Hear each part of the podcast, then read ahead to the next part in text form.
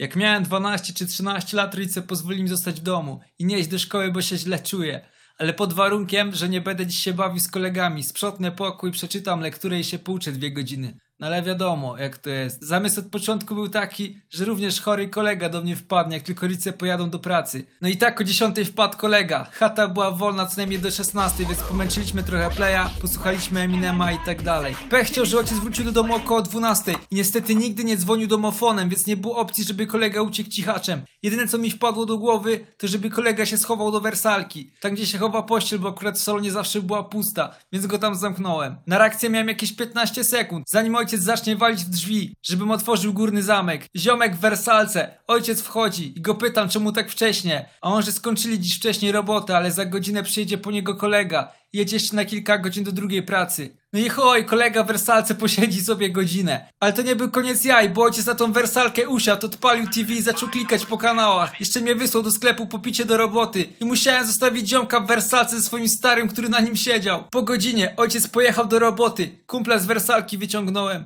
A on z łzami w oczach, na plecach miał odciśnięte sprężyny i listwy, bo go przygniótł ojciec swoją dupą. Powiedział, że już nigdy do mnie nie wpadnie. I poszedł.